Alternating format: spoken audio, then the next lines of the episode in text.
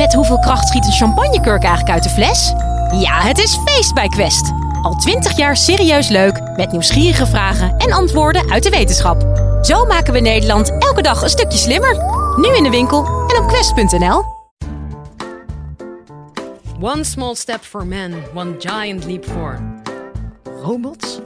Ha, welkom en leuk dat je luistert naar de Universiteit van Nederland podcast. Ik ben Sophie en ik vrees dat deze aflevering een hele hoop spaceliefhebbers en illusiearmer maakt. Heb je de wens ooit een maanwandeling te maken? Ai. Volgens Chris Verhoeven van de TU Delft zal de verkenning van de ruimte namelijk niet door mensen zelf gedaan worden. Hij legt uit hoe robotintelligentie werkt en waarom robots juist zo geschikt zijn voor deze nobele taak. Enjoy! Live vanuit Club Air is dit de Universiteit van Nederland.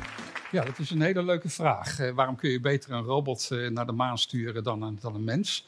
Uh, en dan ga ik jullie uitleggen waarom ik dat vind. Behalve natuurlijk voor toerisme. De maan is een, een leuke toeristische attractie. En als je als toerist erheen wil, dan hou ik je niet tegen. Als je op vakantie gaat, stuur je ook niet je hond weg. En ga je zelf in een kennel zitten wachten op de selfies. Dus, maar daar ga ik het niet over hebben. Ik ga het hebben over de maan als, als een plek waar je wetenschap kan bedrijven. En ook misschien waar je spulletjes kan vinden die op aarde schaars zijn.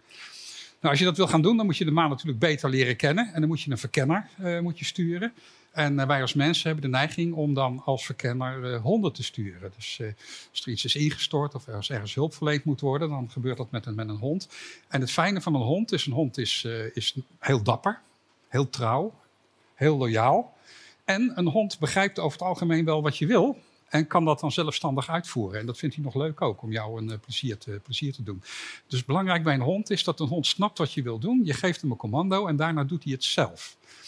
Het is dus ook niet verwonderlijk dat uh, het eerste dier dat in de baan op de aarde kwam, dat het een hond was, uh, Laika. Het is niet het eerste dier in de ruimte. Het eerste dier in de ruimte waren fruitvliegjes in 1947. Uh, op, een, op de kop van een V2 zijn er 109 kilometer gevlogen. Dat hebben ze overleefd. Dus insecten zijn eigenlijk de eerste astronauten. En u begrijpt, dat vind ik wel, vind ik wel aardig, want ik hou van insecten. Maar daarna is, is Laika is het eerste, eerste dier in de, in de ruimte geweest. Helaas is Laika erbij om het leven gekomen. Dat is heel, heel tragisch. Tweede beestje in de ruimte, dat is een aapje geweest, Gordo.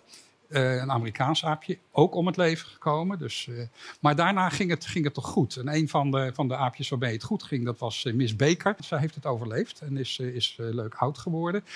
En in, daarna zijn in 1961 zijn er drie primaten de ruimte ingegaan, zoals dat heet. Eerst Ham, een Amerikaanse chimpansee. Daarna Yuri Gagarin. En daarna Enos, weer een Amerikaanse chimpansee. Dus je ziet, eh, als het over primaten gaat, dan was Yuri Gagarin ook niet de eerste in de, in de ruimte. Dus eigenlijk zijn heel veel dieren zijn ons eh, voorgegaan. En daar zijn er ook heel veel als, eh, als held, held gestorven. Maar ja, daarna natuurlijk naar de maan toe. En op de maan rondsnuffelen en rondkijken. Dat is ook gebeurd, maar niet door een hond, maar door de Lunakot. Dat is een, een uh, Russische maanrobot die eigenlijk verbazingwekkend lang op de maan heeft gewerkt. Er werd gezegd van, nou ja, gaat misschien één maandag mee. Maar bijna een jaar heeft hij op de maan rondgeschaald. Helaas was het, was het geen hond. Dus niet autonoom, geen commando geven en zelf uitzoeken. Hij werd op afstand bestuurd. Dus er zat iemand op aarde, zat te kijken wat er, wat er gebeurde. En moest elke keer de Lunagod ergens naartoe laten gaan. En dat ging dus heel erg langzaam. En dat is heel erg vervelend. Uh, en dat willen we anders doen. Dus we willen zeg maar echte robots uh, willen we naar de maan sturen. En met echte robots bedoel ik robots waarvan als iemand uh, met een tijdmachine van 100 jaar verderop naar ons toe zou komen, nu zou zeggen van oh, dit zijn robots, zulk soort robots. En als je daarnaar kijkt, dan zou ik willen zeggen, robots zijn eigenlijk een volgende stap in evolutie. Noem het evolutie 4.0. Als je naar de evolutie kijkt op dit moment, dan is er nu iets heel bijzonders aan de hand. U maakt iets heel bijzonders mee. Evolutie is gaan nadenken. En door dat nadenken ontstaan er nieuwe dieren. En die dieren zijn elektrische dieren. Dus robots zijn gewoon dieren. Gewoon de volgende stap in evolutie. En het uh, leuke is dat die elektrische dieren natuurlijk allemaal bijzondere eigenschappen hebben. Zoals bijvoorbeeld, ze eten zonlicht. En, uh, en uh, ze hebben geen, geen zuurstof nodig. Dus die kunnen naar allerlei plaatsen toe waar wij niet, niet heen kunnen. Nou ja, en als je dan kijkt van ja, wat voor soort dieren gaan er dan eerst komen, wat, wat, gaat er komen, ja, dan zullen, dan, dat, dat de insecten zijn. En die robots, zoals ik al zei, ze eten, ze eten zonlicht en, en ze hebben geen zuurstof nodig. Maar voor de rest zijn ze ook biologisch wel gelijkend op mensen. En wat we daar dan in gaan zien, is dat die robot, net als gewone dieren, een zenuwstelsel heeft. Dan zie je bijvoorbeeld bij de pootjes, zie je printplaatjes zitten. En dat betekent dat elke poot zelfstandig is. Dus de poot voelt wat er aan de hand is. Als hij te warm wordt, dan doet hij er zelf wat aan. En als hij vast zit, doet hij er wat zelf, zelf wat aan. Is hetzelfde als je zeg maar, je hand op de hete kachel legt. Dan wordt je hand al teruggetrokken voor je hersenen het weten. Nou, dat is hier ook het geval. Eerst hadden we dat niet. Hadden we één centrale computer die alles regelde. En als er dan iets fout ging met de software, dan lag de robot te stuiteren met uh, draaiende pootjes en zo. Dat noemden we dan een epileptische aanval. En dan is hij gewoon gevaarlijk. Want, dan, uh, want hij is behoorlijk, behoorlijk sterk. En een bioloog zei, ons, zei toen tegen ons: Ja, maar zo moet je dat ook helemaal niet doen. Kijk naar de dierenwereld. En we hebben hier een dier. Hij heeft een zenuwstelsel nodig. Met echt losse, losse entiteitjes. Dus wat hier gebeurt, is als een poot iets, uh, iets, uh, iets heeft wat aan de hand is, gaat er een signaaltje naar boven van. Ik heb ingegrepen. Dus dat heeft de poot al gedaan. Dus dat is een zeg maar need-to-know signaal. Noem het pijn of ik ben moe. En daarna krijg je want to know, dat de hersenen gaan vragen wat is er dan aan de hand. En als dan bijvoorbeeld alle pootjes zeggen dat ze warm zijn, dan gaat de robot, uh, gaat de robot rusten. En dan krijg je een hele stabiele robot uh, van.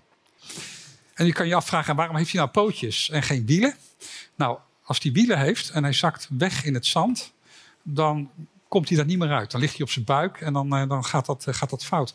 Maar die pootjes, die zitten hoger. Dus als hij op zijn buik ligt, dan kan hij al zijn pootjes uit de grond uh, trekken. En dan kan hij met zes pootjes tegelijk kan hij zwemmen. En dan zwemt hij zo het mulle zand uit. Dus hij is uh, eigenlijk gewoon niet tegen te houden. Ja, wat moet die robot dan kunnen? Nou, per se intelligent hoeft hij niet te zijn. Maar hij moet wel autonoom zijn. Het zelf kunnen regelen. Dus een robot moet autonoom zijn. Moet kunnen waarnemen natuurlijk, moet zijn omgeving kunnen zien. Uh, moet kunnen communiceren. En wat belangrijk is, een robot moet kunnen samenwerken. En dan denk je, ja, aan wat voor uh, samenwerking gaat dit insect dan doen? Nou, dat is samenwerking zoals insecten normaal gesproken ook doen. Als we naar mieren kijken, dan kunnen mieren kunnen ontzettend goed samenwerken. Uh, maar ze zijn niet per se intelligent per stuk. Terwijl ze in het totaal best wel intelligent kunnen zijn. En wat is dat totaal intelligent zijn? Nou, daar heb ik een voorbeeldje voor meegenomen. Uh, stel je voor, je hebt een huis en in dat huis daar hangt die zwerm rond. Al die robots gewoon minding their own business. Maar ik heb ze wel gevraagd van als er water ergens lekt, wil ik het weten. En op een gegeven moment lekt er ergens water en eens een robotje ziet dat. En die roept dan, ik zie water. Zijn buurman ziet, ziet dan van, hé, hey, mijn buurman heeft water gezien. En die buurman daarvan zegt weer, ik zie een robot die een robot ziet die water heeft gezien. Dat gaat zo door. En dan zie je dat al die robotjes geven zichzelf een nummer. Gewoon uh, de robot die het gevonden heeft is uh, nummer 0. Dan heb je robot nummer 1, 2, 3, 4, 5. En dan ontstaat er wat, wat heet een potentiaalveld.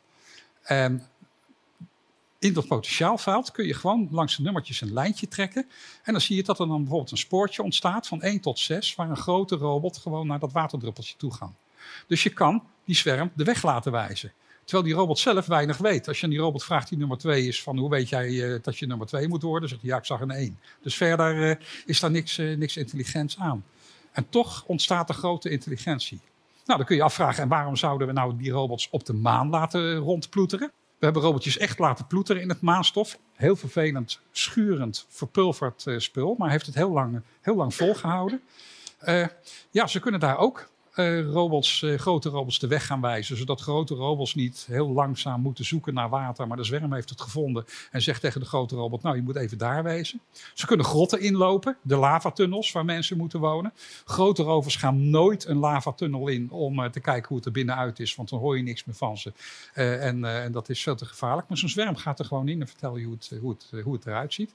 Maar de zwerm kan ook zelf onderzoek doen. Want een van de mooie dingen van de maan is dat het een aan de achterkant een radiostiltegebied is. En radiostilte betekent dat je radioastronomie kan doen. Nou, we hebben in Nederland hebben we dat ook, een radiostiltegebied. Uh, ergens ver af in het, in het oosten. Daar staat bijvoorbeeld de radiotelescoop van, uh, van Dwingelo.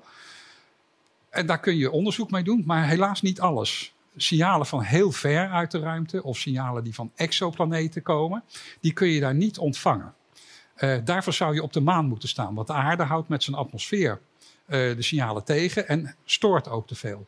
Maar ja, radiotelescopen à la Dwingelo op de achterkant van de maan, dat is, uh, dat is science fiction. Dat is veel te moeilijk. Maar gelukkig kan zo'n klein robotje kan een antenne op zijn, uh, op zijn rug meenemen.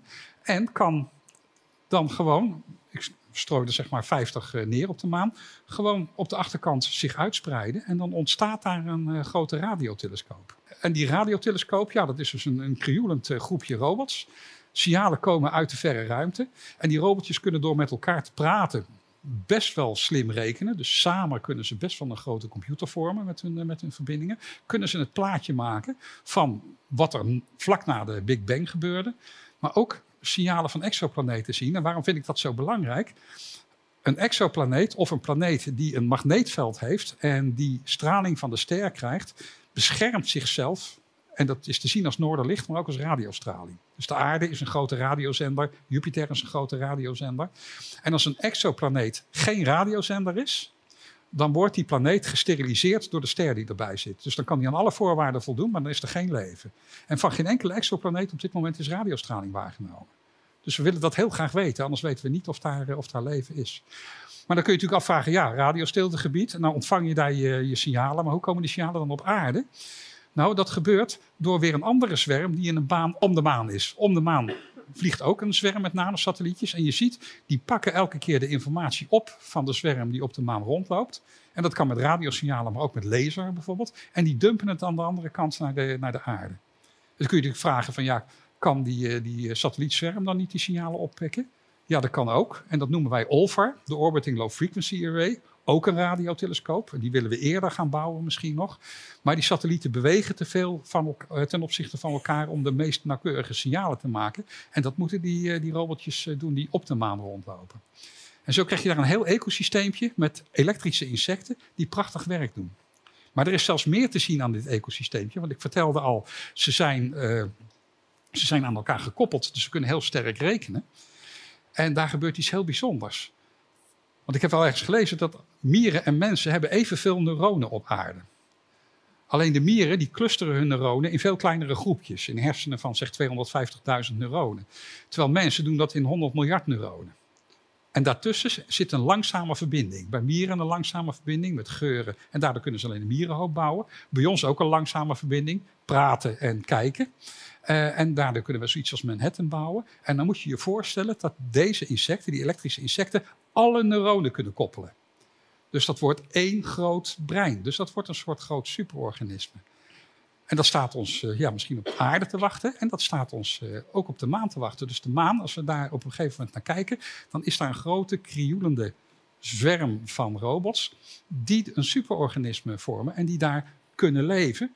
En natuurlijk ook op andere planeten kunnen leven. Ja, dat is wat ik zeg, volgende stap evolutie. Het gaat op de maan wonen, het gaat op andere planeten wonen en gaat misschien op weg naar, eh, naar exoplaneten. Dus wij gaan er niet heen, die robots wel, maar we hebben het wel veroorzaakt. Dus als je aan mij vraagt, uh, ja, moeten we mensen naar de maan sturen? Denk ik als toerist, ga er, ga er naartoe. Maar voor de rest gaan we robots sturen en die robots gaan naar de maan en nog veel verder. Dankjewel. Ik hoop dat je het een leuke en leerzame aflevering vond. Iedere week uploaden we twee nieuwe afleveringen met volgende keer of jij verantwoordelijk bent voor je gedrag als je dronken bent. Mijn naam is Sophie Frankemolen. Thanks voor het luisteren en tot de volgende.